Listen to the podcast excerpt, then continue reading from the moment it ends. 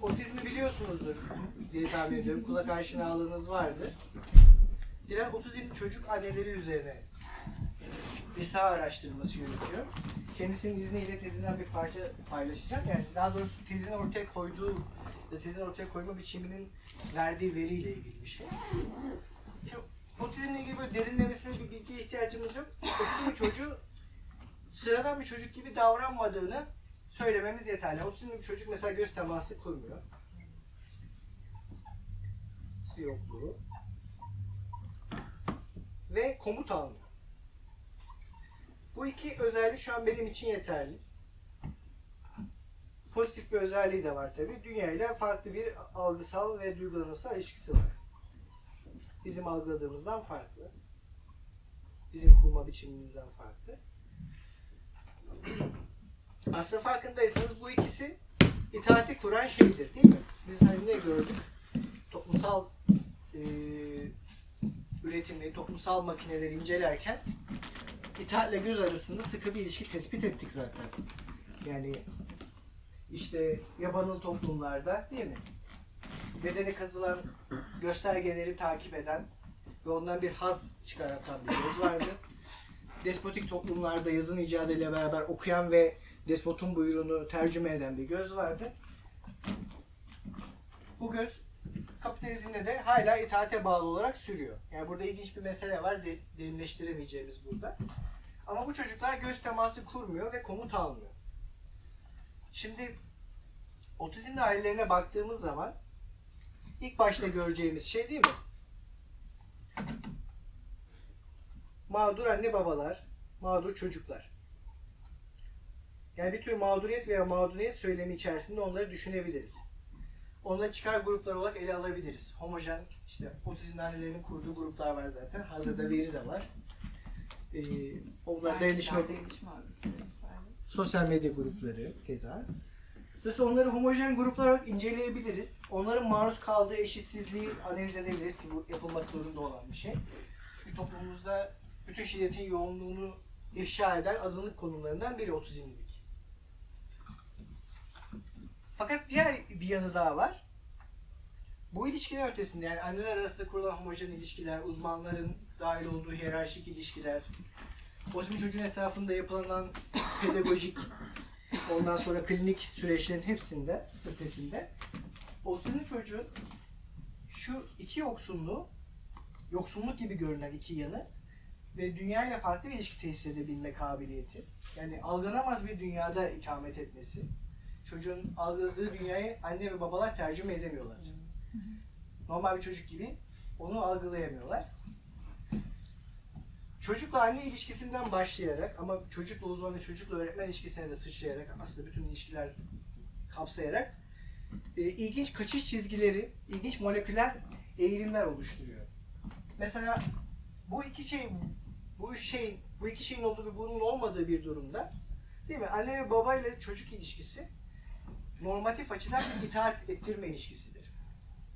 Anne ve çocuk anne baba çocuğa sürekli komut verir. Kimlerle arkadaş olacak, olmayacak.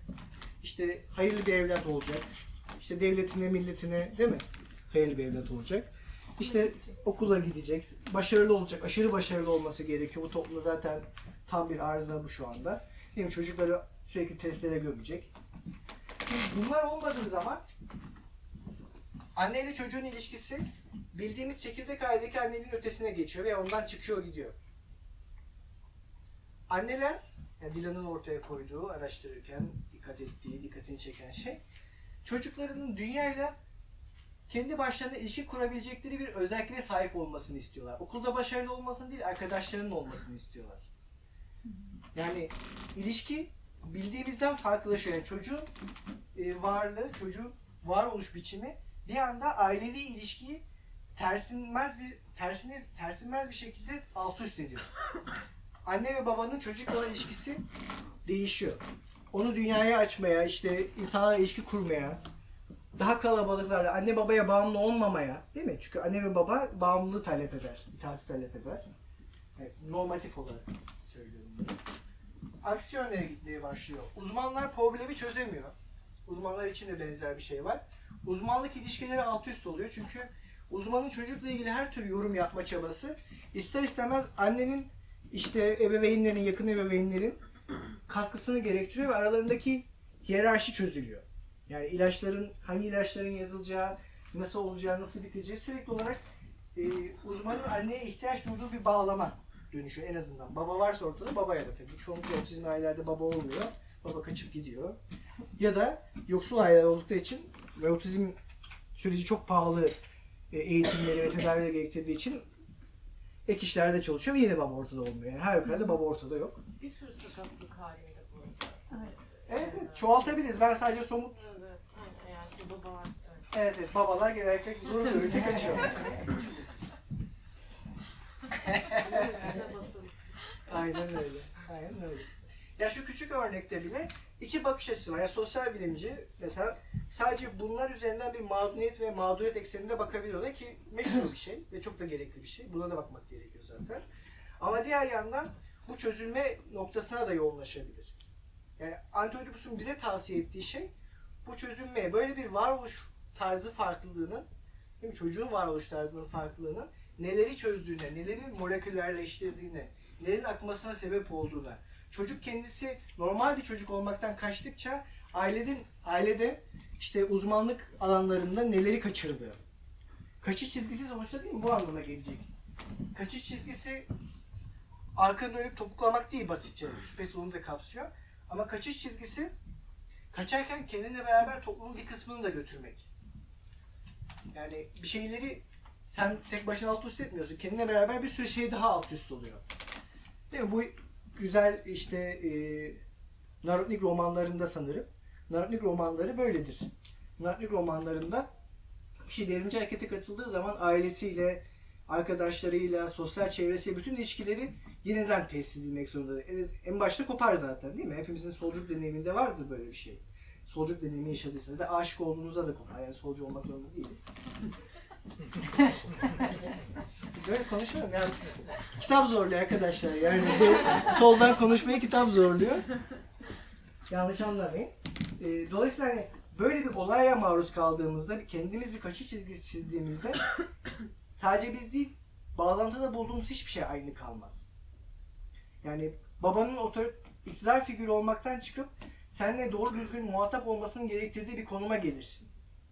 Olur yani ilk başta seni her türlü yasakla, şeyle engellemeye, şiddetle engellemeye çalışır. Değil mi? Bu üniversiteye gitmek olarak bu ülkede kadınların başına gelen bir şeydir.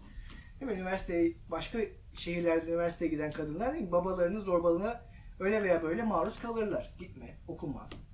Gittin, sü- sürekli aramak zorundasın. Mesela deneyiminizi bilmiyorum. Ben içeriden konuşamıyorum da. Yani örnek aklınıza canlansın diye. Fakat bunlar başarıldıkça, kopuşlar gerçekleştikçe bir noktada belki eğri toparlanır ve ailevi ilişkinin kendisi dönüşmüş olur. Önemli olan şey nereye bakacağımız. Yani bunlardan yola çıkıp e, şuradaki şeyi açıklamamamız gerekiyor. Yani bunu bir o zaman bu bir probleme dönüşür yani şu anlamda. Toplumun kuruluşu açısından giderilmesi gereken problemlere dönüşür. Değil mi? E, olayı böyle bakarsak aslında normatif bir bakış açısını biz de onaylamış oluruz. Yani normal bir çocuk olması gerekir. itaat etmesi gerekir. Saklı varsayımların hepsi böyle çalışır.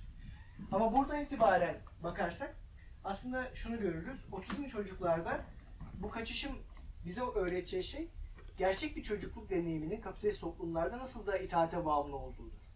Yani otizme ayak basıp bizzat normatif şeyin tamamını da görebiliriz. Azınlık oluş aslında Deleuze bahsettiği şey azınlık oluşa daima bu. Azınlık oluş bize toplumun tamamını görebileceğimiz bir bakış açısı sunar. Yani onun çözülüşü bakımından görebileceğimiz. Onun ta- tahkim edilmesi, sürdürülmesi açısından değil. Güzel. Bence bu örnek biraz daha somut oldu mu? Bence güzel oldu.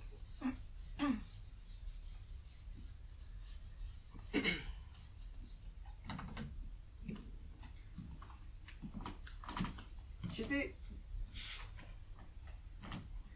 şöyle bir toparlarsak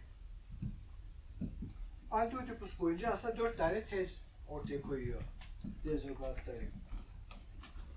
Birinci teze zaten hepimiz aşina olduk. Bilinç dışı bütün yatırımlar tarihsel, toplumsaldır.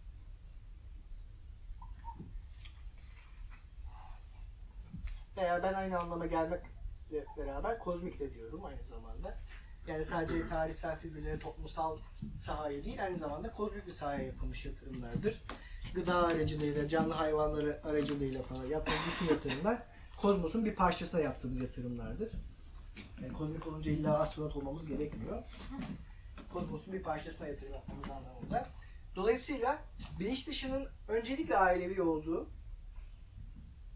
sonradan toplumsal sahaya ailevi figürlerin imgesinde yatırım yaptığı, mesela sevdiğimiz kadınların hep annemizin imgesini taşıması gibi şeyler, psikanalitik fikirlerin hepsini ithal eden ilk tezi bu. Aileye bile yatırım yapsak, aileye de toplumsal, tarihsel, kozmik bir bütünün içinde yatırım yaparız. En nörotik ailevi odipal yatırımımız bile tam da onun aracılığıyla bir toplumsal sahaya yaptığımız yatırımın bir parçası.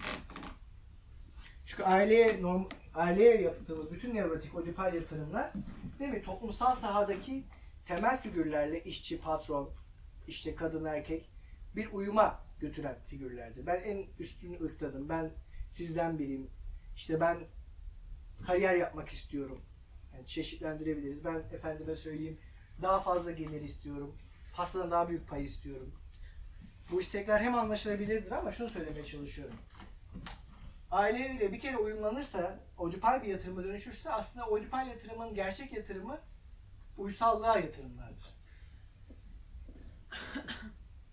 Uysallığı hem uyum kelimesini vurgulayarak söylüyorum. Bir toplumsal uyuma yapılmış yatırımlardır.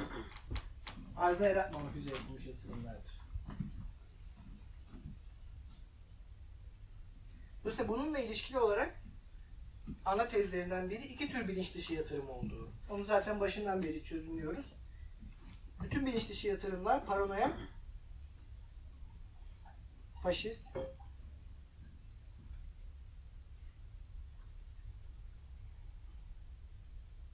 gerici, ondan sonra ya da şizofrenik, şizo, devrimci ve moleküler. Ütopyacı da diyorlar. Toplumsal tarihsel saha yaptığımız bütün yatırımlar bu iki uç arasında salınır durur. Aile aracıyla yaptığımız bütün yatırımlar paranoyak, faşist ve gerici yatırımlardır. Yani odipalleştiren süreç, bütün nevrotik varoluş tarzları temelde paranoyak, faşist ve gerici yatırımlardan muzdariptir. Daha doğrusu odipal aile bunun bir semptomu sadece, bir sonucu. Yani odipal aile bunu koşullamıyor ya da ailevi yatırımlar bunu koşullamıyor. Öncelikle toplumsal sahaya böyle yatırımlar, yani uyumluluğa götüren yatırımlar yaptığımız için odipalleşiyoruz. Her türlü odipalleşme bununla ilgilidir. Diyorlar. Dolayısıyla diğer uçtaki yatırımların bastırılmasıyla meydana gelirler aslında. Yani bir çocuğun bütün şizo moleküler çıkışları kapandığı zaman aileye geri dönebilir. Bu açıdan hadım edilmeyi ele almıştık hatırlayın. Hadım edilme simgesel, imgesel bir şey değil. Gerçek bir süreçti, gerçek bir şiddetti. Mesela çevreye çıkıp mahallede dolaşma özgürlüğünü çocuğun elinden alırsan, yatırım yapmak için sadece işte apartmanın içine kısıtlı bir ailevi ortamı ona sunarsan, onun bütün moleküler çıkışlarını kapatmış olursun. Yani en azından önemli bir kısmını kapatmış olursun. Çocuğun dünyasında geriye zaten bu çağda akıllı telefon kalıyor. O da zaten bayağı ödipal bir oyuncağa dönüşmüş durumda değil mi? İnternetin e, eseri. Sen çocuğun bütün çıkışları kapatırsan ancak ödipalleşir. Orada yeterince ödipalleşmezse işte gördüğümüz gibi psikanaliz var. Yeterince ödipalleşmedi deyip psikanalize gidip daha da fazla ödipalleşebilirsiniz. Paket eksik geldiyse tamamlıyorlar orada.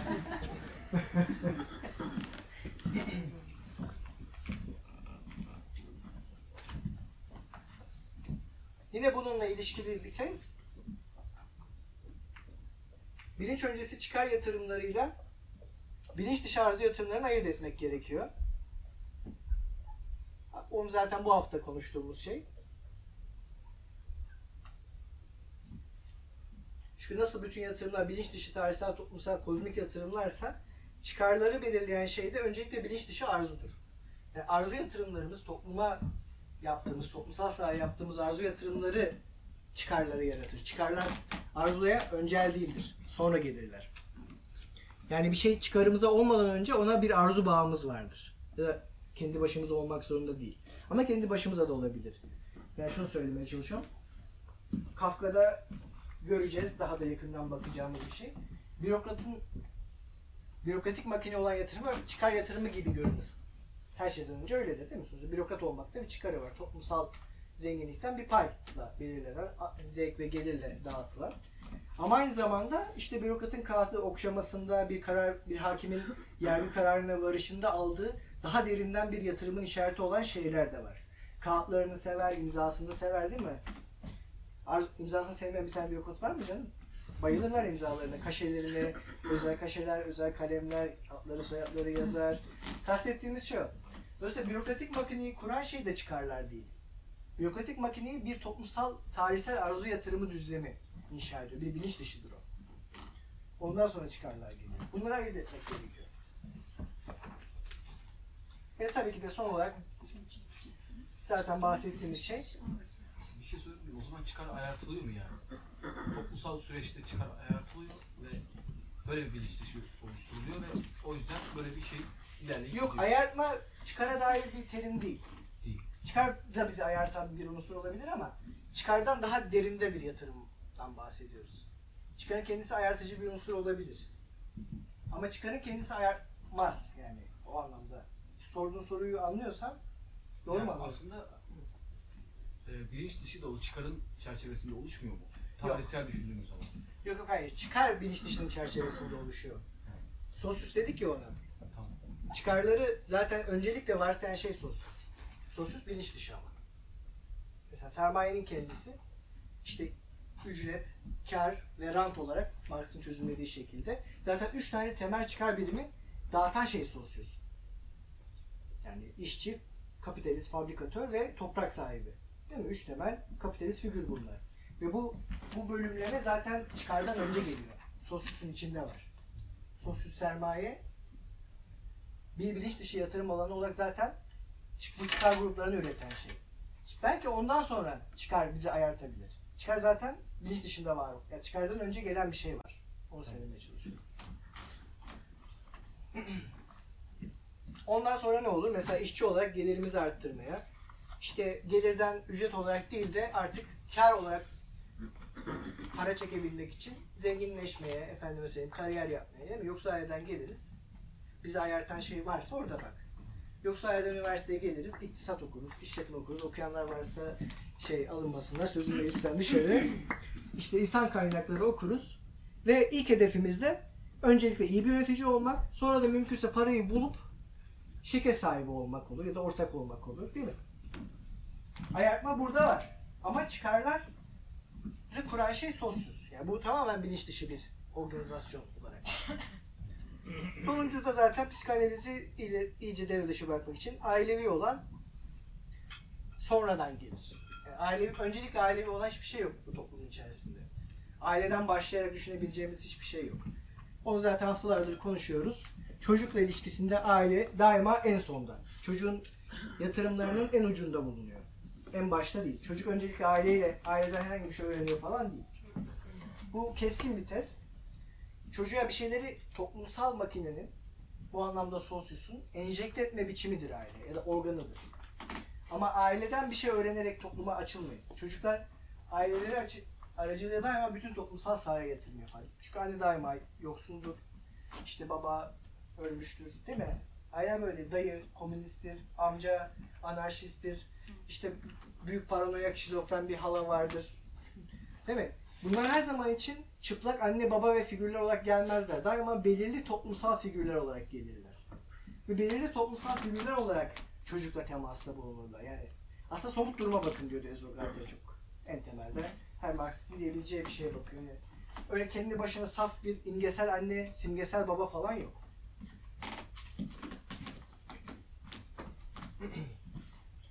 Dört temel tezi de böyle.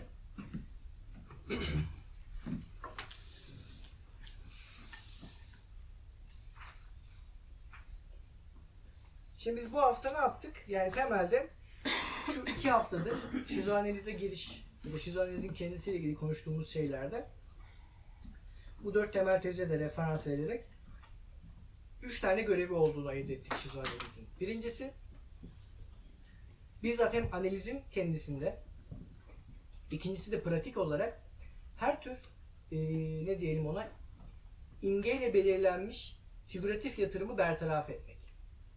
Bu Oedipus olabilir. Bu sapkının sapkın yer yurtları olabilir. E, fetişleştirilmiş cemaatler işte Fenerbahçe taraftarlığı gibi. Ben niye yükleniyorum bu taraftarlığa?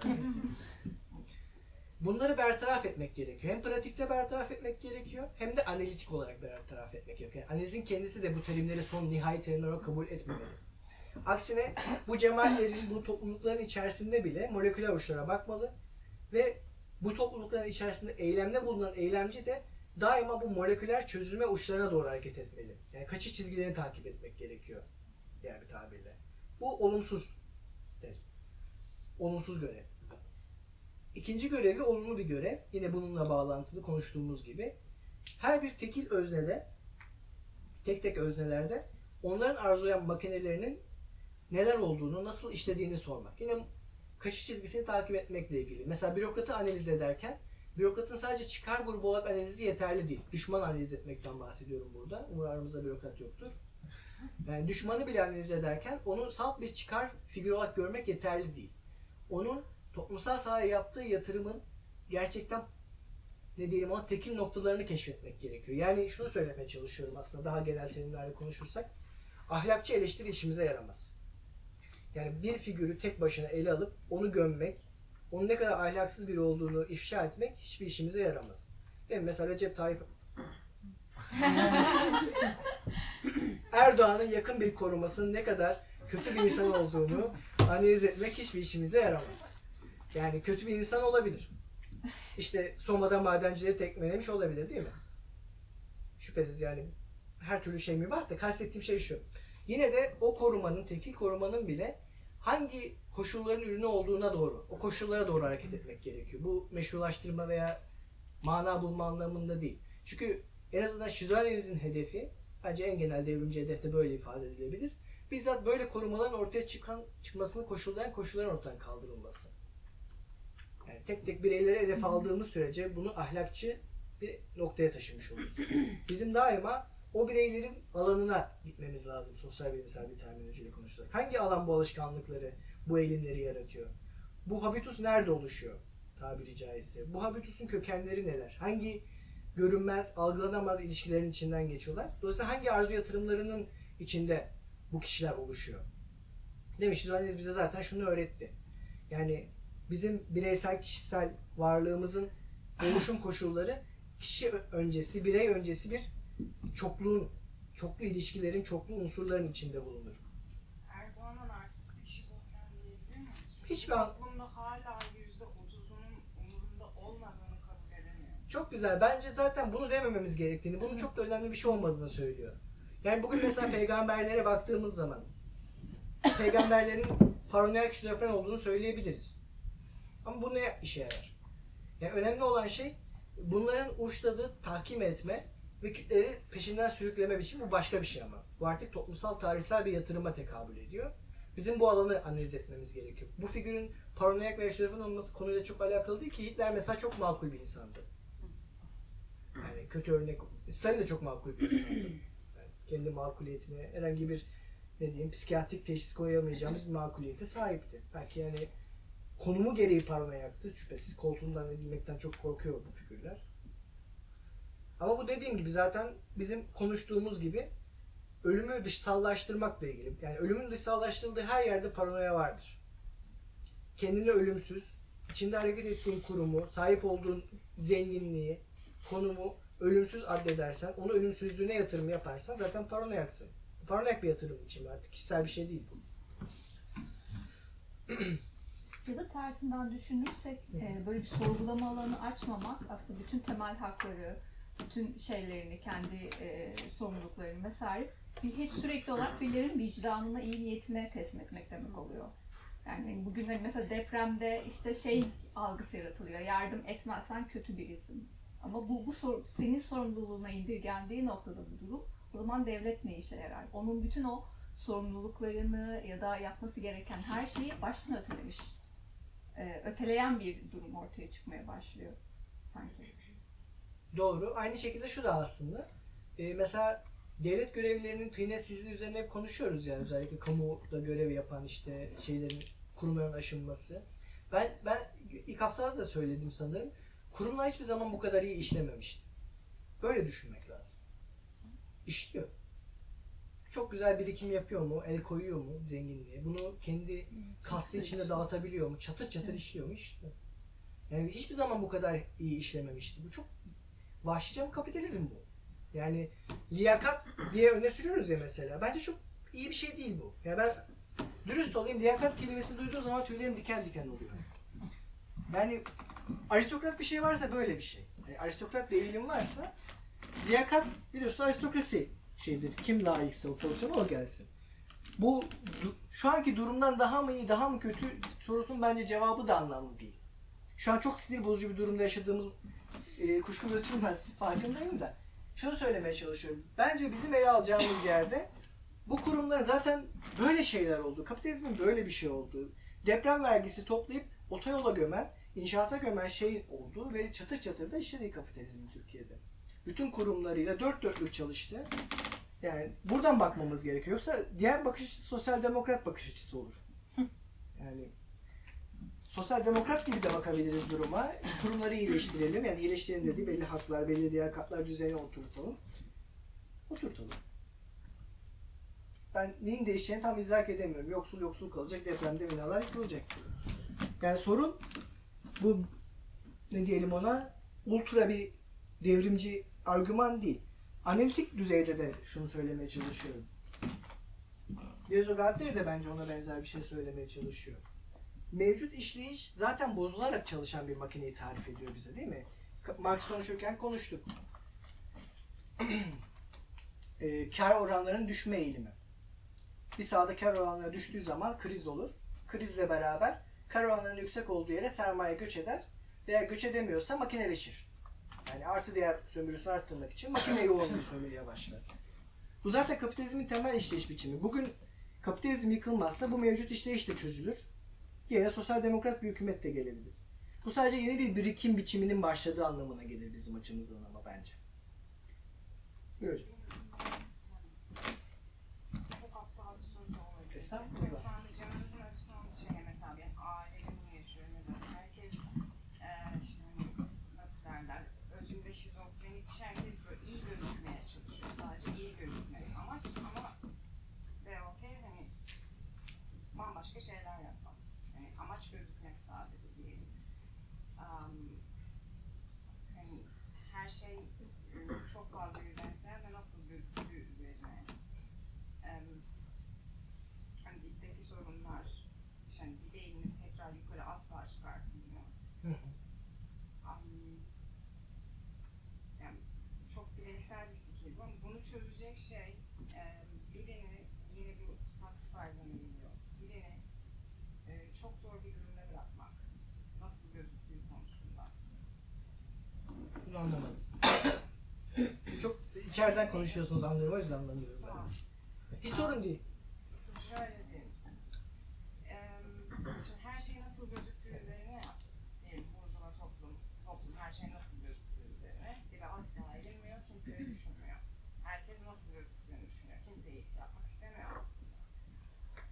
Bunu dengelemek için kişiyi, birini çok zor bir karar noktasında bırakmak. Sacrificial bir şey yapmak. Hep gerekli olduğu geliyor aklıma.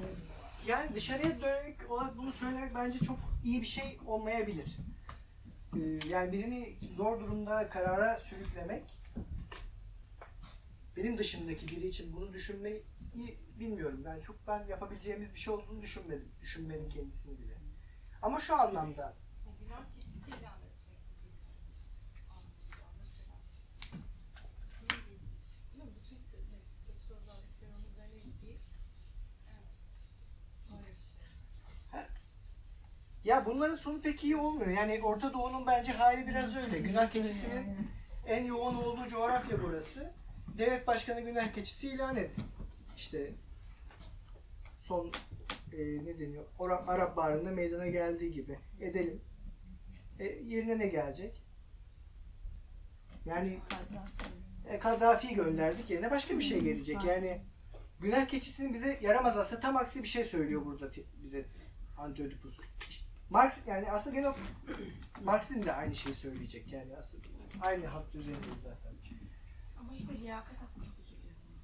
Böldüm direkt düşünürken konuştum. liyakat hakkında söylediğiniz şey tabii ki söylemek istediğiniz şeyi anlıyorum. Celal Şengör gibi konuşmayacağım şimdi öyle. Yani Fransa'da bir takım insanlar falan diye bir şeyden bahsetmiyorum ama e, gerçekten bir işi başarabilen bir insan bir şey yapıyorsa ya da kafası çalışan insanlar kim olduğu, ne düşündüğü, neye inandığı önemli olmasa üretebilen ya da bir şey başarabilen insanlar bir yerde olsa komplocularımız daha fazlalaşmaz mı yani? Bir şeyleri fark edip ya da işte o borudan kenarlardan akan yerleri daha fazla deşebilecek insan çoğalmaz mı? Yani liyakata bir de böyle böyle bir şekilde bakıyorum. Yani tersten de soru, sorulabilir. E, kafası azıcık çalışan, Bilmiyorum. Yo yo çok güzel bir soru. Aksine çok güzel ifade ettiniz. Tersten de soralım ama aynı soruyu. Bir şey yapılan, yapabilen, olayları farklı bir şekilde görebilen insanları bürokrat yaparsak olayları farklı bir şekilde görmeye devam ederler mi? Sadece bürokrasi olarak söylemedim. Önemli değil yani. Nereye getirirsek tiyatronun başına koyalım. Hocam özür dilerim.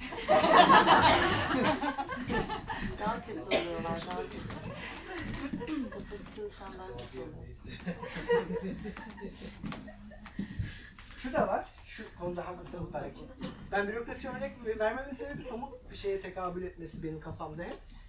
Ee, mesela şu an bürokrasinin içinde bir yanda yiyiciler diyebileceğimiz rantiyeciler var ama bir yanda da onların hemen altında çalışanlar da var. Onların hemen altında çalışıp rantiye sınıfından olmayan henüz figürler de var.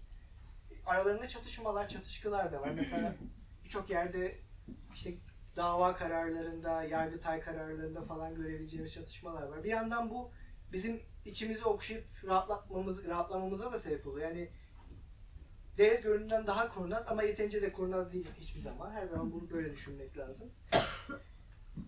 ama temelde bence sorun şöyle bir şey. Bir şey yapabiliyorsak, yani bir yapabilirliğimiz varsa, bir kudret varsa, kudreti çapraz biçimde çoğaltmayı öneriyor Antiochus. Yani tabii ki de üniversitede bir yere gelebiliriz. Tiyatroda bir yere gelebiliriz. Mahalle muhtarı olabiliriz. Yok yok hayır hayır burada artık kurban yok. Kurban etmeyelim kimseyi. Bir yapabilirliği açabileceğimiz ve kendi üzerine kapanmayan topluluklar teşkil etmemiz gerekiyor. Mesela bir tiyatro kurmamız gerekiyor. Tiyatro yapabiliyorsak devlet tiyatrosuna gireceğiz diye yırtınmayı bırakmak gerekiyor. Kemal Hoca'nın kaygısı işte devlet bize para versin, devlet bizi layık olduğumuz yere getirsin. Bundan sakınmak gerekiyor. Yapabiliyorsak yapabilirliğin koşullarını hazırlayacak şekilde politikalar üretmemiz gerekiyor. Politika budur zaten. Bir yapabilirliği ortaya koyabileceğimiz topluluklar teşkil etmek ve yapabildiğimiz şeyi yapmak. Bu anlamda bir stratejinin parçası olarak kamu otoritesinden bir şey talep edebilir mi? Şüphesiz. Edilmek zorunda da.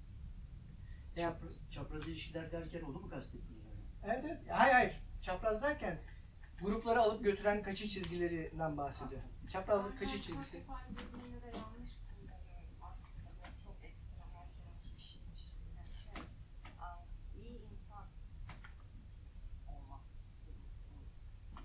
Yani riskleri göze almayı kastediyorsunuz değil mi? Ben, İyi insan sizin için ismi oysa olsun. Evet. Evet. Kesinlikle öyle. Ve onu iyi kılan şeyleri tutarlı kılmamız gerekiyor. Onu iyi kılan neyse yani ortak paylaşımı, birbirini ezmeyen iletişim biçimlerini ve yaratıcılığı tetikleyen bir değil mi? Tartışma ortamı değil mi? Bunların hepsi işte iktidara söven mekanizmalar diye gruplandırabileceğimiz şeyler. Bunları açık tutmak, bunları tutarlı kılmak gerekiyor. Ama Spinoza gibi düşünüyorum ben. Şu an hepimiz layık olduğumuz yerdeyiz. Yani şu anda neye layıksak şu anda onu yaşıyoruz. Yani başka bir şey de yaşamıyoruz, yaşayamayız. Yani gücümüz yok ki şu an böyleyiz. Onun onların gücü var ki o an iktidar anlamında gücü var ki öyleler. Yani kadercilik değil bu. Duruma buz gibi bakmak bence bu. Karam yani Agamben dediği gibi ya da başkalarının da diyebileceği gibi karamsar olmak gerekiyor. Tutarlı bir şekilde karamsar olmak gerekiyor ki eylemin koşullarına dair gerçek bir şeyler ortaya çıkabilsin. Karamsarlıktan kastım bu. Yani şu an neyse o durumda tam da layık olduğumuz için bulunmamız gerçeği.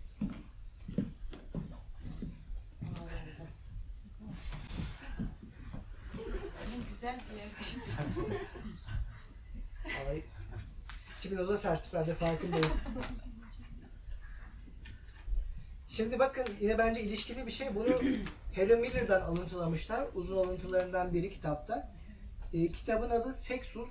Epos yayınlarından yayınlanmış ikinci baskısı. Nadir kitapta falan var. Güzel de bir roman zaten. Sexus. Sexus. Okun, okunduğu gibi. Miller diyor ki psikanalizle ilgili diyor ama bence her şey için geçerli.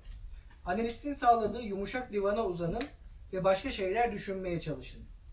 Eğer onun endişeleriyle, kusurlarıyla, hırslarıyla, zayıflıklarıyla sizin gibi bir insan olduğunu, kuşatıcı bir bilgeliğin havuzu olmadığını ama sizin gibi bir avare olduğunu anlarsanız, her ne kadar kulaklarınızda ahenkle yankılanıyorsa da akan gözyaşlarınıza belki son vereceksiniz. Belki ayağa dikilecek ve Tanrı'nın ağzından şarkılar söyleyeceksiniz. İtiraf etmek, hastalıklı davranmak, kendini acındırmak, ağlayıp sızlamak her zaman pahalıdır. Çünkü psikiyatriste para ödemeniz gerekiyor. Şarkı söylemekse bedava. Ve sadece bedava değildir. Başkalarını da zenginleştirirsiniz. Hastalığı ona bulaştırmak yerine. Hayali dünya, zapt etmeyi başaramadığımız dünyadır. Geçmişin dünyasıdır o. Geleceğinki değil. Geçmişi bırakmadan ilerlemek bir prangayı sürüklemeye benzer. Dolayısıyla hepimiz suçluysak hayatı dolu dolu yaşamamanın büyük suçuyla suçluyuz. Yani buz gibi gerçeklik aynı zamanda bize kadim bir neşe kazandırmalı. Yani ta stoacılardan akan gelen bir bilgelik kazandırmalı. Bu dünyada bulunduğumuz yeri hak ediyoruz. Dolayısıyla daha iyi hak etmek için daha iyi durumlara doğru hareket etmeliyiz. Yani dolayısıyla soru iki yönlü olacak. Biz bunu nasıl hak ettik? Nasıl, bu bize nasıl musallat oldu? Daha iyisini nasıl hak edebiliriz? Hak etmeye hazırlanmak devrimci oluş programıdır. Çünkü biz olayları belirleyemeyiz. Biz başımıza gelecekleri asla belirleyemeyiz. Ne yaparsak yapalım bir devrimi yapamayız. Devrim ancak başımıza gelir. Bir sabah uyanırız, birileri bütün sokakları işgal etmiş olur. Belki o bizlerden biri de bizizdir. Ya da bir, so- bir adım sonra oluruz. Dolayısıyla devrimler, aşklar bizim hep başımıza gelen şeyler. Ama onlara layık olmaya yönelik bir etik program sunan Oedipus bize. Daha iyisine layık olmak için eğilimler kazanma, kendimizi küçük küçük değiştirme, içinde bulunduğumuz şeyleri kendimizle birlikte değiştirme programı. Neye bakacağımıza ve nasıl bakacağımıza yönelik bir program bu. Bir program. Belayla kalmak yani. Güzel, evet. Haraway'in dediği gibi belayla kalmak.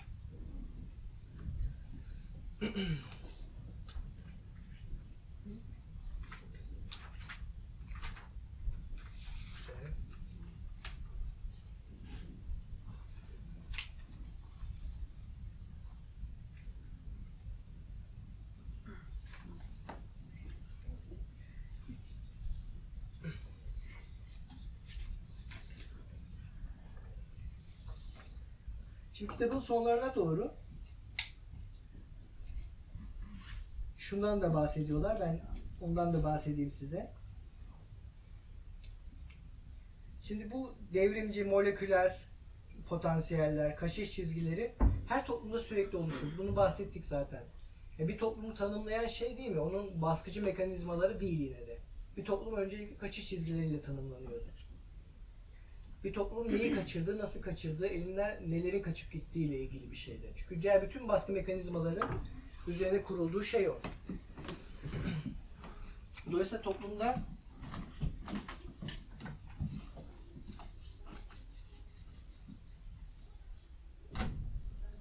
önce kaçışlar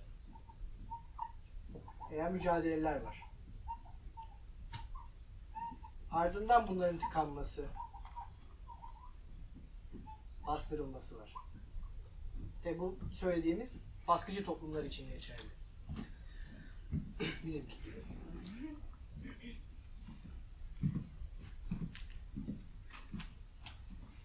Dolayısıyla bunların edimselleşmesine yönelik büyük bir programdır bir toplum. Yani bunun edimselleşmesini engellemeye yönelik. Diyorlar ki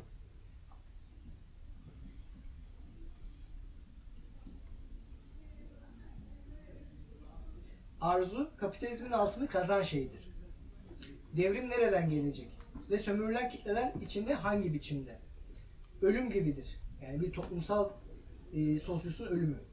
Nerede ne zaman? Çok uzaklara akan, çok keskin kesen, kapitalizmin aksiyometiğinden kurtulan, kodu çözülmüş, yersiz yursuzlaşmış bir akım.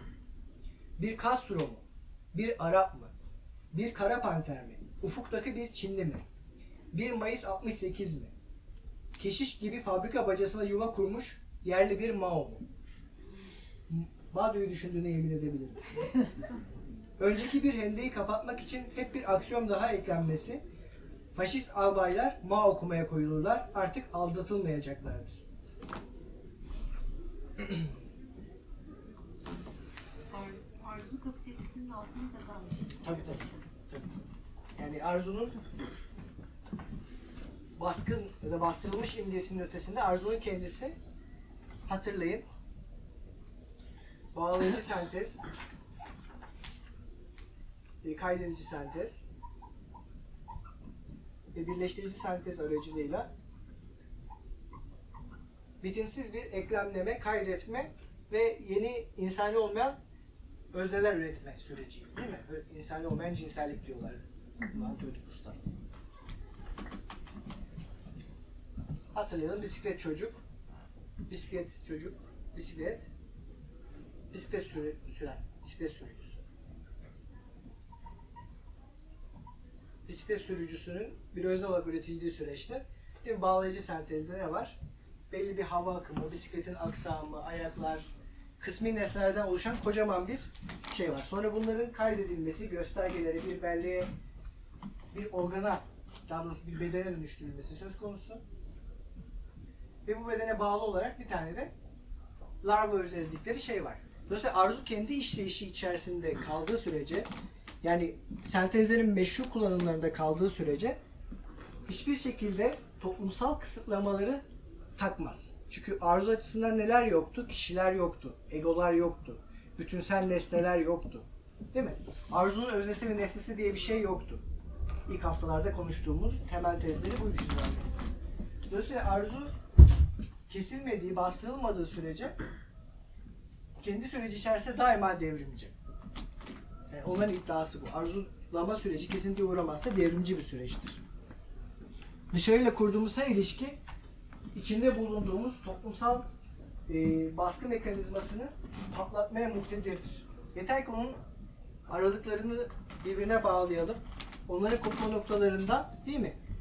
Bu toplumu alt üst edecek bir parti kuralım mesela. Hiç fark etmez. Her tür büyük mücadele, büyük devrimci mücadeleler öncelikle bu sürece bağlıdır. Tekrar e, beyaz yakalı durumuna dönersek arkadaşımızla kurduğumuz bir güven ilişkisi bütün ofisi alt üst edebileceğimiz bir eylem sürecinin tetikleyicisi olabilir.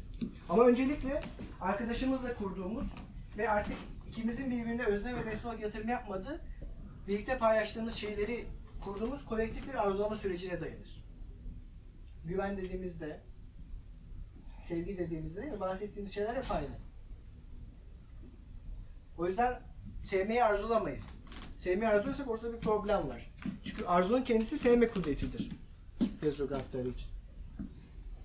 Yani sevmeyi hiç arzulamamız gerekir. Bu problem. Arzunun devrimciliği kendi işleyiş biçiminden geliyor. Arzunun işleyiş biçimi içerisinde herhangi bir e, molar oluşum yok. Molar oluşumlar kimlikler. Egolar, süper egolar, an- anne babalar. Arzu bunlar üzerinden geçmiyor. Arzunun bunlara geçmesi için dehşetli bir bastırmanın vuku bulmuş olması gerekir. Dolayısıyla devrimci olmasının sebebi bu.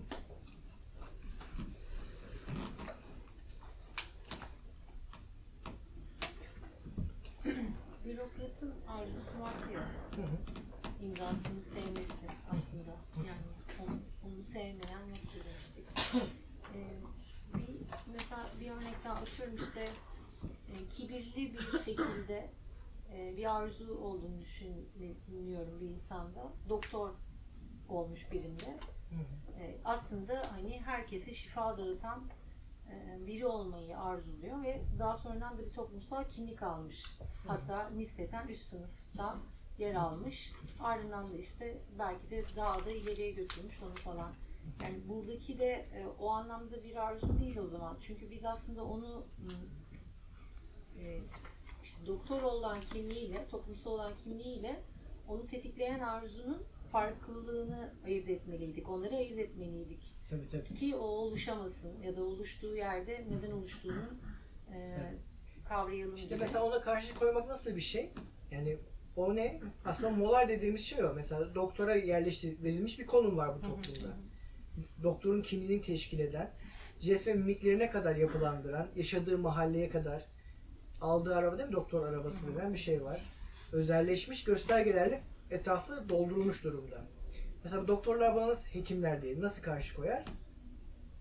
Mesela halk sağlığı için kitaplar yazarak değil mi? Başka arzulama mekanizmaları geliştirerek. Mesela İzmir'de mülteci ailelerine giden e, Cem miydi doktor hekimin adı? Cem, Cem Terzi. Cem Terzi var değil mi? Cem Terzi mesela bir yardım, bir içim olmak değil, hekimliği böyle algıladığı, hekimliği böyle arzuladığı, hekimliği böyle yap- yaptığı için işte mülteci mahallelerine gidip ücretsiz sağlık kontrolleri yapıyor.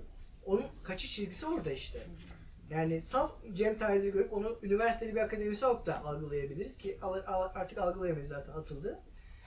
Ama algılayabildik. Ama işte diğer tarafta bak onun arzulayan makineleri başka bir yerden geçiyor. Başka sokakları, başka e, mahalleleri, başka insanları kat ederek, başka dillerin içinden geçerek oluşuyor. Bunları keşfetmek ve bunları tutarlı kılmakla ilgili bir mesele. Yoksa burada Cem Terzi için muhteşem, rahat, konforlu bir hekimlik yaşamı da vardı. Yani bu o anlamda belki bir feda. Yani sınıf intiharı bu. Yani çünkü değil mi Barış Bildirsen de imza attı falan karmaşık süreçler. Mesela bu sınıf intiharı. Evet o anlamda bir sacrifice aslında. Evet aslında sizin dediğiniz yere geldik bence. Böyle bir yanı var. Ama önemli olan o değil yani. Önemli olan sacrifice'dan da öte o neyi kurduğu orada. Kurucu bir boyut içermiyorsa problem vardır. Ya sadece eleştiride kalırsak ağlayıp sızlamış oluruz. Gerçekten o kadar da basit. Hani siz söyleyin ben bu insanın başına kötü bir şeyler gelmiyor mu böyle bir şey yaptığı için bu şekilde kaçtığı için o hani Tabii gelir.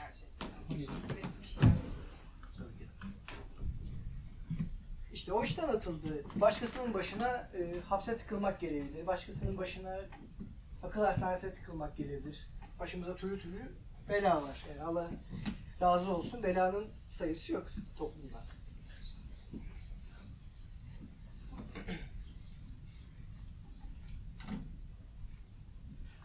Cem Terzi için söylemiyorum ama mesela orada da tehlikeler yok mu? Yani bizzat bunun kendisi bir yardımseverlik göstergesine dönüşüp kendi üzerine kapanabilir mi? Cem Terzi için kapanmadı bu arada bu eleştiri değil o yüzden de. Mesela böyle bir gösterişçi yardımlaşma biçimi de mi Twitter'da şu anda var? Evet. Depremle ilgili kastettiğim böyle bir şey. Mesela değil mi? Evet. Yani yardım yapılmasın mı bilmiyorum. Bunlar netameli konuda. Yani insanların gerçek ihtiyaçları var. Ama bu gösterişçi biçiminde eleştirmek, tefe koymak gerekiyor kuşkusuz. Ondan kaçış da yok. Akut'un başına gelen biraz da o hocam. Akut denilen yapının başına gelen biraz da o. Gösterişçilik mi? E, iktidar meselesi. Ya da evet. Orada da çünkü Birçok yerde, birçok organizasyonda, birçok kişinin Toplumu dahil edemez miyiz? ne? Bütün sivil toplumu dahil? Hemen hemen. Ettik gitti. Oh ne güzel. Sivil toplumda harcadık hayatı. Vallahi doğru ama. Doğru. Ederiz. Ne? Şey. Yani çok değişik düşünüyor. Kaddafi mi? Neyse yani burada değişik düşünmemesine ben memnunum yani 40 gün savaştı. bilmiyoruz yani bi- bilmediğimiz çok şey var onu da paranteze alalım ama şu Hani nereye varacaktım buradan? Bir yere varacaktım. Sivil toplum.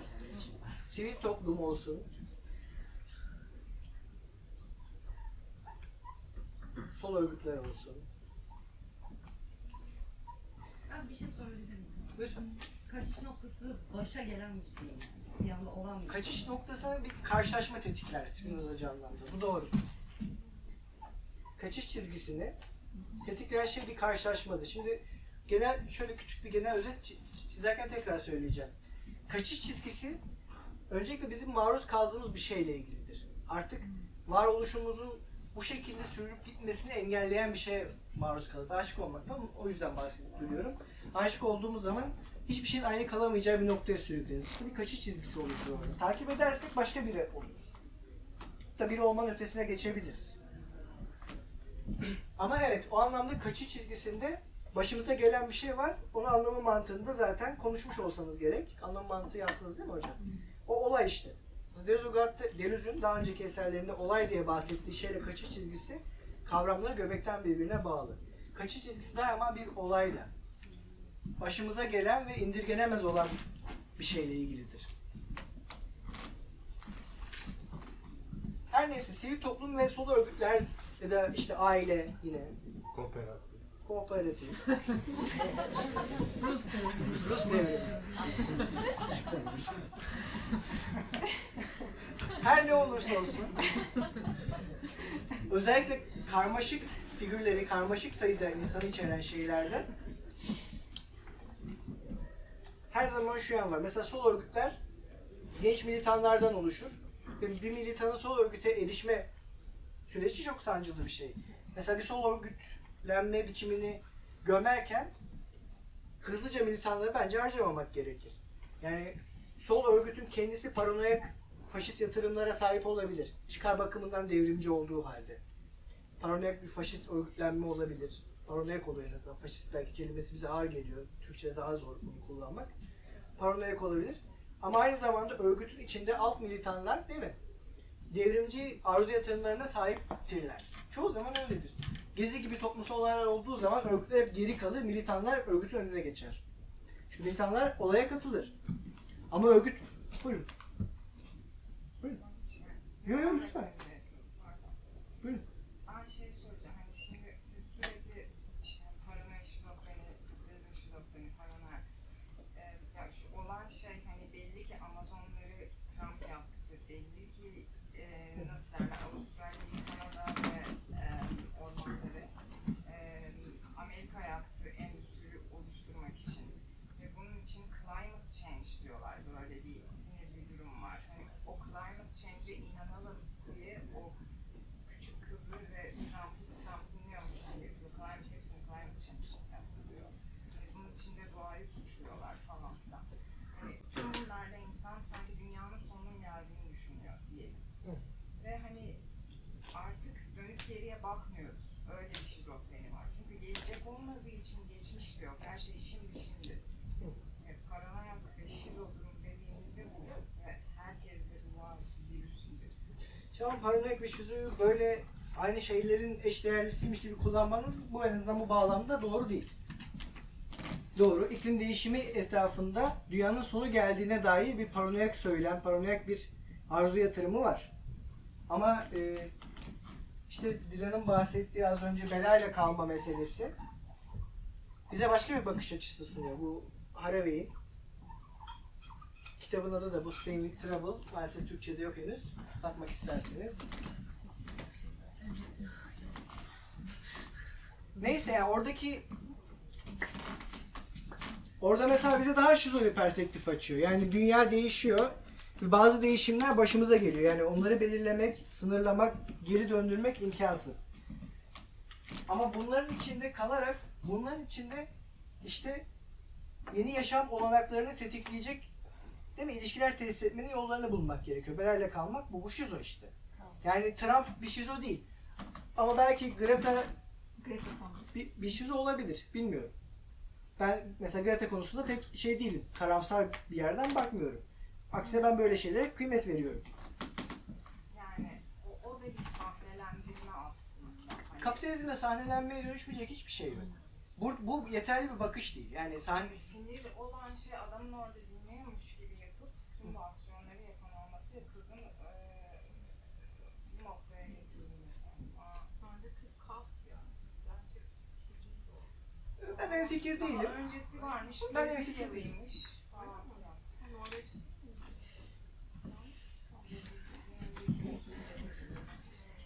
Ama bak yani tekrar ediyorum bence burası o kadar da önemli değil. Kas da olabilir. Dünyanın en sağlam kası da olabilir. Hiç önemli değil. Önemli olan nokta neyi harekete geçirdi. Aynen. Neyi harekete geçiriyor? Rus devrimini ilk 1905 Rus devrimini Gapon diye bir peder başlattı. Bu peder polis ajanıydı. Gapon faşistti. Evet, polis ajanıydı. Kastı bu anlamda. Ajandı zaten. Kastı tilla. Ama niye harekete geçirdi? Gapon'un harekete geçirdiği şey ilk Sovyet deneyimi oldu. O Sovyet deneyimi olmasa ikincisi başarıya erişemezdi. Orada çok şey önemliydi çünkü. Yenilgiyle de sonuçlansa. Kastettiğim bu. Önemli olan Greta'nın kim olduğu ile ilgili bir meselenin olmaması. Hani diyorum ya. Önemli olan figürün kim olduğu değil. Figürün neyi harekete geçirmeye muktedir olduğu. O da tamamen işte climate change. Öyle bir sahtelen, sahte, sahtelenme var ki o da kapitalizmin bir ürünü olup Anladım. Greta da yeniliyor. Tamamen Trump'ın yeni o. Yani ben mesela iklim değişimini sahte demem şahsen. Ama her şeyin bir anda olmasına sahte denilebilir. Ama bu şu an Her şey bir anda olmuyor ki ama yani bayağı yıllardır verilen bir mücadele var iklime dair ve bu Greta'nın da aslında yaptığı şey yani bu e, şeye Birleşmiş Milletler, Milletler'de ya da Trump'ın önüne geçmeden önce 9 ay ya da bir yıla yakın tek başına okul grevi yapıyor. Sonrasında artık Yaptığı dayanılmaz bir şeyler şekilde kesinlikle ama hani o Trump'ın orada bunu hani e, buna katılması ve bir yandan da hani benim düşündüğüm tamam bu yani e, bunu kimse kesin olarak bilmiyor ama yağmur ormanları kendi kendine yanmaz Amazonlar ve Trump White Supremacist ve onları tamamen yok etmek istiyor endüstri için falan filan. Ya şey yağmur ormanlarının yakılmasıyla ilgili zaten şey e, bir politik olarak yakıldığına dair şüpheler var. Bilmiyorum doğrulandı mı o şüpheler. insan olarak görmüyor zaten. Öyle mi gerçekten? Ben hiç duymamıştım. Çünkü her sene Avustralya'da bu şu- Avustralya'yı kastetmedim ben. Amazonları kastettim. Avustralya'daki yangın evet şey anlamında fiilen yakılmış bir yangın değil. Yani neyse yani tekrar ediyorum yine de bizim bakmamız gereken yer en azından Antiochus'un bize muşladığı yer burası değil. Ee, ama belki şu anlamda dediğinize şuradan yaklaşabiliriz. Ee, bir figürün harekete geçirdiği mesela okul grevi yapan Greta ile Trump'la konuşan Greta aynı mı sorusu bence gayrimeşru bir soru değil. Yani daha doğrusu burada ne, ne, neyin olup bittiğine dair sorular so- sormak meşru sorular ve haklı kaygılar. Yani en azından şunu ben söylerim açıkça. Bir şeyi böyle Avrupa Birliği'nin, işte NATO'nun, işte komisyonların, devletler arası toplulukların, G20 zirvelerinin falan çözebileceğine dair bir imge yarattığı oranda e, kuşkuyla yaklaşılması gereken bir şey. Yani Greta ba- benim için Tamamen karşıyım ve kesinlikle yem olarak. Çünkü bir önceki versiyon Brezilyalıydı ve kimse bilmiyordu. E tamam demek ki kast böyle İsveç'te yaptı zaten. Hani beyaz olması gerekiyordu o insanın. Ve tamamen el. ya ama toplumların zaten genel olarak beyaz olmayanlara karşı Bence şunu e, düşünmek lazım yani bir şekilde kapitalizm zaten seni bir şekilde dinleyecek, kapa- kapacak bir şekilde. Seni kapma aygıtlarını harekete geçirecek bir şeyleri elinde tutması lazım yani. Çünkü mesela artık o, o kadar e, şuraya kadar gelmiştir ki başka yolu da yoktur. Evet başka türlü e, şeylerini ka- kapma aygıtlarını başka türlü çalıştırabilir. Greta bu anlamda bir oyuncu da olabilir. Ama e, tam da burada başka nasıl hangi ağları tetiklediği, hangi toplumsal hareketlere yol açtığı daha önemli. Ve oraya bakmak daha önemli olabilirmiş gibi geliyor. En azından iklim meselesinde. Yani aksiyon denen bir şey var. Yani onu konuştuk ya hatırlayın. Aksiyon dediğimizde ne kastediyoruz? Bir şeyi en muhalif biçimini bile toplumsal olarak uyumlu bir biçimde değiştirmek. Onu yumuşatmak, eritmek. Ama bir şey söyleyeyim. Eğer Greta bir aksiyon olarak e, yeşil harekete kapılabiliyorsa e, sorumluluk Greta'da değil. Yani sorumluluk Evet, bizde. bizde.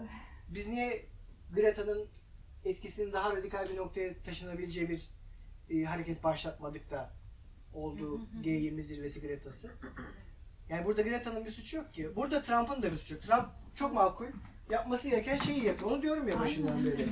Zaten böyle olur. Diyecek zaten değil, başka bir yolu yok. Zaten Çünkü böyle olur. Bu şekilde öfkeyi di- Evet, soğuk, söylesin. yani. ama mesela şeyde Snowden ve Wikileaks'i yaratan adam kimdi şu anda unuttum. Mesela oradaki durumlar çok farklı. Evet. Çünkü oradaki kaçış çizgileri acayip Çok olduğu için adamlar müthiş bedel ödediler. Snowden şu anda yani kendi vatanı doğduğu yere giremez. Ee, işte Diğer- adam hala bilmiyorum Ekvador neydi ayrıldı oradan galiba Ekvador e, büyükelçiliğindeydi. Sanırım o tutuklandı İngiltere'de. Yani onun mesela hani onu örnek vermek istedim. Şimdi orada belli ki bir rol yok. Ve dolayısıyla adamlar bedel ödüyorlar. Ya zaten bence rol terimleriyle toplumsal olaylara yaklaşmak iyi bir yaklaşım değil. Çünkü baştan her şey kapitalizm tarafından sahnelendiği e, bu kelimeler birbirini çağıran şeyler. Tiyatroda haksızlık ediyoruz bu arada hocam. Bence sahnelenmek doğru bu arada. Geçti. Yani kaçış çizgilerin gücüne Kurtaralım. Şöyle, aksiyonun olduğu yerde gerçek bir tiyatro sona erer. Aksiyon varsa niteliksiz tekrar vardır çünkü. Ya, tiyatro öyle bir şey değil. Dolayısıyla rol, tiyatro, sahnelemek gibi terimler toplumsal olayları, vakaları analiz etmek, onlara yaklaşmak için kötü başlangıç noktaları. Önce kaçış çizgileri. Onların semptomlarını aramak gerekiyor. Bir sorun var. Hani şu anda ben mesela Avusturya yangınlarının hani pardon, yangınlarının e, kesinlikle o konu hakkında cahilim. Amazonlar konusunda e, şey kendimi haklı görüyorum. O konuda kesinlikle cahilim. Hani şu anda gerçekten climate change ile mi alakalı diye. Bilmiyorum. Orada ya, helikopterlerle hayvanları yok ediyorlar. Develeri. Bu atları, yapan atlarını da Onu ayrı çok fena var. Ama aborjinleri hala avlıyorlar gerçekten. Aynen şimdi nereye? Ben anlamadım. Hayvan avlı Neyse. Bütün bunlar şu anda olduğu için bunun planlı işi olduğunu düşünmek mümkün değil. Hani climate change çünkü yavaş yavaş uzun uzun çalışır. O yüzden mercanlar falan öldü ya. Yavaş Ben şey yani biz ama Koronavirüs? O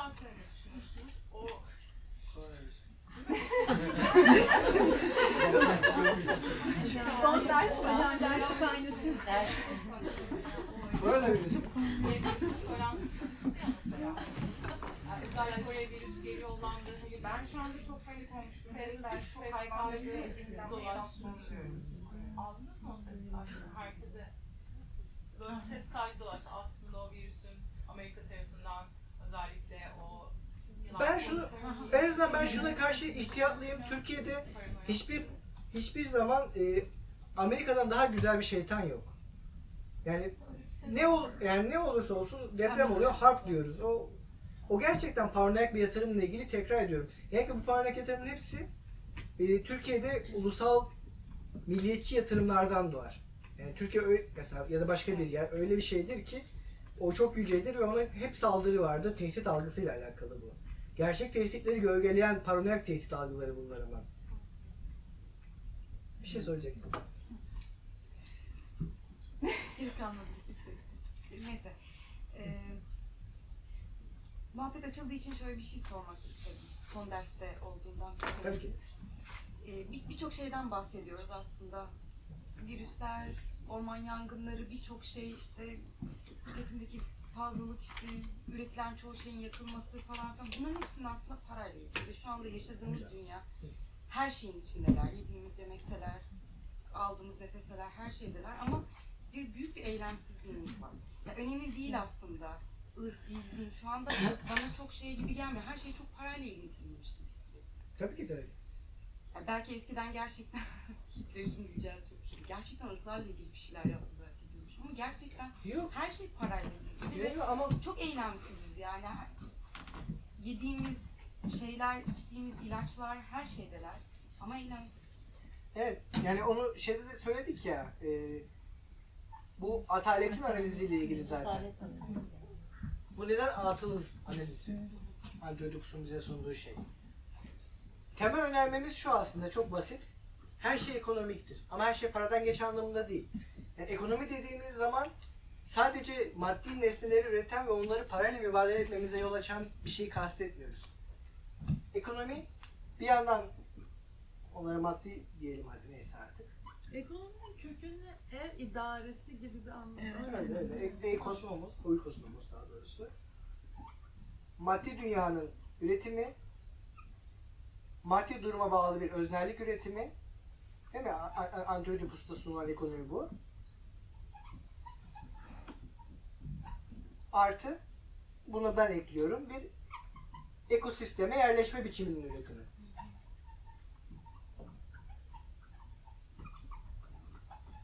Yani bir ekolojik niş denilen şey. Benim antiyodupusu algılama tarzım bu bu arada. Daha spesifik, daha bana özgü bir şey olabilir. Ekolojik niş dediğimiz zaman yuva aslında ekolojideki karşı. Bir yuva teşkil etme. Bütün insanlık olarak yeryüzünü bir yuva olarak teşkil etme. Onu edinme biçimimiz. Dolayısıyla ekonomi bu üç düzeyin içinden de geçtiği için Antiyotopus'un bize söylediği şey şu. Bu kapitalist ekonomi olduğu zaman bütün bu düzeyler para sermaye tarafından dolayıdır zaten. Dolayısıyla ırklar için edimde bulunurken ırklar zaten kapitalist özel üretiminin bir parçası, bir neticesi olduğu oranda o özel bir fi- figür olmuyor artık. Zaten kapitalizme içlek bir şey oluyor. Kapitalizmin içinde olan bir şey oluyor. Yani ırklara dayanarak kapitalizmin dışına çıkabileceğimiz bir yol yok. Yani milliyetlere dayanarak, uluslara dayanarak. Sınıflara dayanarak da kapitalizmin içinden çıkamayız. Sınıflar da zaten öznellik üretimi olarak kapitalizmin içindeler. Kapitalizmin bir fonksiyonu sınıfların hepsi. Yani mesela sosyalist yazındaki e, sosyalist teorideki şu fikir yanlış bir fikir. En azından Antiyotipus'tan bakınca. Devrimci bir sınıf var. Bir de reformist ya da daha az devrimci olan kimlik hareketleri var değil mi? Bu sosyalist bir ayrımdır. Sınıfa dönersek devrimcileşiriz. Sınıfçı olursak, işçici olursak. Sınıfın dışındaki kimlik hareketlerinin içinde kalırsak devrimci olamayız. Hayır. Sınıfın kendisi de bir kimlik ve kapitalizmin içinde üretilen bir öznellik biçimine gönderdiği oranda sermayeden alınan bir paya, haz, zevk ve gelire gönderdiği oranda kapitalizmin içindedir. Gerçek sınıf mücadelesi dolayısıyla sınıfın koşuluna karşı bir mücadele olur. Yani elbette ki mücadeleyi işçiler olarak örgütleyerek başlarız ama kendi işçiliğimizi yaratan koşulları ortadan kaldırarak devrimci oluruz. Devam edelim. Kadınlar örgütlenerek başlarız ama kendi kadınlığımızı ataerkil ikili çift cinsiyet rejimini yaratan koşulları ortadan kaldırarak devrimci oluş hareket ederiz. Gerçek mücadele zaten bu çizgiyi izler. Bunlar olarak da aynı şeyi söyleyebiliriz.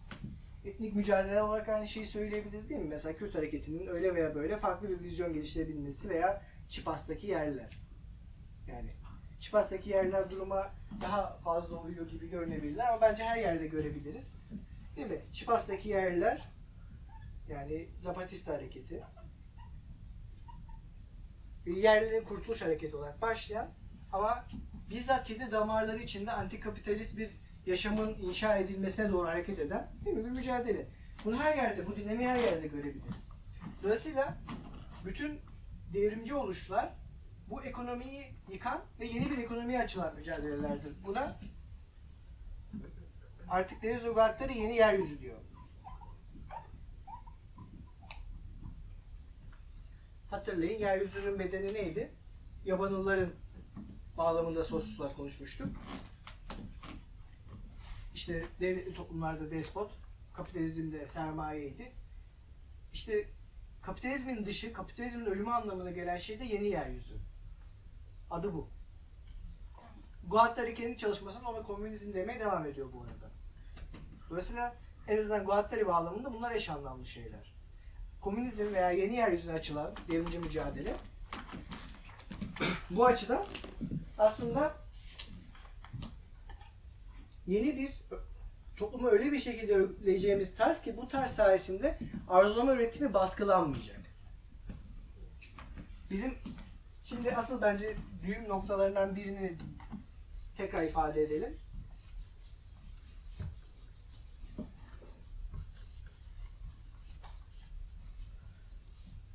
Şunu da böyle başımıza alalım artık son 10 dakikada ona bakalım. Onu hayal edelim. Onu arzulayalım. Onun için içimiz yansın böyle aşkla bakalım ona. Akşam çıkıp bira içtiğimizde bunu düşüne düşüne içelim. Ağlayalım. Ağlamayalım, ağlamayalım. Tanrı'nın sesiyle şarkılar söyleyelim.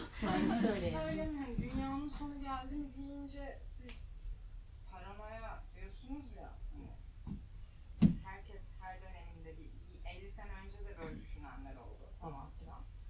Aa, Ama bana Trump'la beraber bunun son hızda gittiği gibi bir şey geliyor. Siz de söylediniz. Trump- İğrenç ötesiyle. IQ çok düşük. Yani tabii ki de. O, bence Trump zaten bu sona gidişin bir semptomu olabilir. Yani. Nirvana'nın Plato şarkısını dinleyince Amerika'nın alt kısmının kendi kendine yanmadığını Şüphesiz. Neyse. Yani yeni yeryüzü dünyanın aslında gerçek anlamda sonu demek. Bu arada yeni yeryüzüyle kastettikleri şey gerçek bir son. Kapitalist dünyanın sonu yani. Şimdi ne diyordum ben? Hani düğümlendiği bir noktayı işaret edecektim. Şu var. Bizim her zaman için molar biçimlere ihtiyacımız var. Molardan kaçamayız. Yani moleküler olana dönüş molar çok kötü bir şeydir, kakadır, pistir. Moleküler aman ne şeker tatlı bir şeydir tadında değil. Bizim öyle molar biçimlere ihtiyacımız var ki bunlar moleküler akışları hızlandırsın bastırmak yerine. Öyle toplumsal örgütlenmeler, öyle kurumsal bünyeler, öyle yeni kurumlar, öyle yaşam tarzları icat etmeliyiz ki, öyle sanat eserleri kurmalıyız, yapmalıyız ki, sanata, öyle bilimsel icatlar ortaya koymalıyız ki, bunlar artık baskıcı bir şekilde değil de moleküler süreçleri aktaracak, çoğaltacak, birbirine bulaştıracak şekilde işlesin. Tekrar ediyorum, bunun en basit örneği Sovyet. Sovyet molar bir biçim, bireylerden oluşuyor. Son derece görünür, algılanabilir bir toplumsal kurum. Ama bünyesinde kitlelerin içinde moleküler akımları hızlandırıyor, birbiriyle yeni iletişim olanakları kuruyor, çaprazlaştırıyor bütün ilişkileri. Kastettiğimiz şey bu. Yani yeni dünyanın kurulumu, yeni yeryüzünün inşası, yeni yeryüzüne doğru akan hareketler, yeni molar biçimler gerekiyor. Dolayısıyla moleküler harekete bir kere eriştikten sonra onun devrim için molar biçimler üretmesi ve geri gelip mevcut molar biçimleri tarumar etmesi gerekiyor. Dolayısıyla aslında Leninizmden bir adım bile ileri gitmiş değiliz. Yani ileri gitmekten kötü anlamda. Ondan uzaklaşmadık yani. Hala Leninistiz. Lenin'den bile daha Leninistiz bu anlamda. Bu önemli. Lenin'in ilk Leninizmi gibiyiz. 1918'deki Lenin değiliz. Evet. Ama tabii artık bizim Leninist bir parti gibi bir şey kurma şansımız olmayabilir. O gerçek bir araştırmanın ve deneyin konusu. Bugün tartışılıyor, bakabilirsiniz. Hart ve Negri mesela tartışıyor bu konuları. Başkaları da tartışıyor kuşkusuz. Zizek de tartışıyor. Her halükarda bizim yeni molar biçimlere ihtiyacımız var. Yani kurumlar kurmak, yeni deneylere girişmek, sanatsal anlamda, bilimsel anlamda, sosyal anlamda, çift ilişkilerinde, dostluklarda ve pedagojide, eğitimde. Ama moleküler olanı hızlandıracak, yeni iletişim olanakları sağlayacak şekilde. Uh! Devam et. E benden şimdilik bu kadar.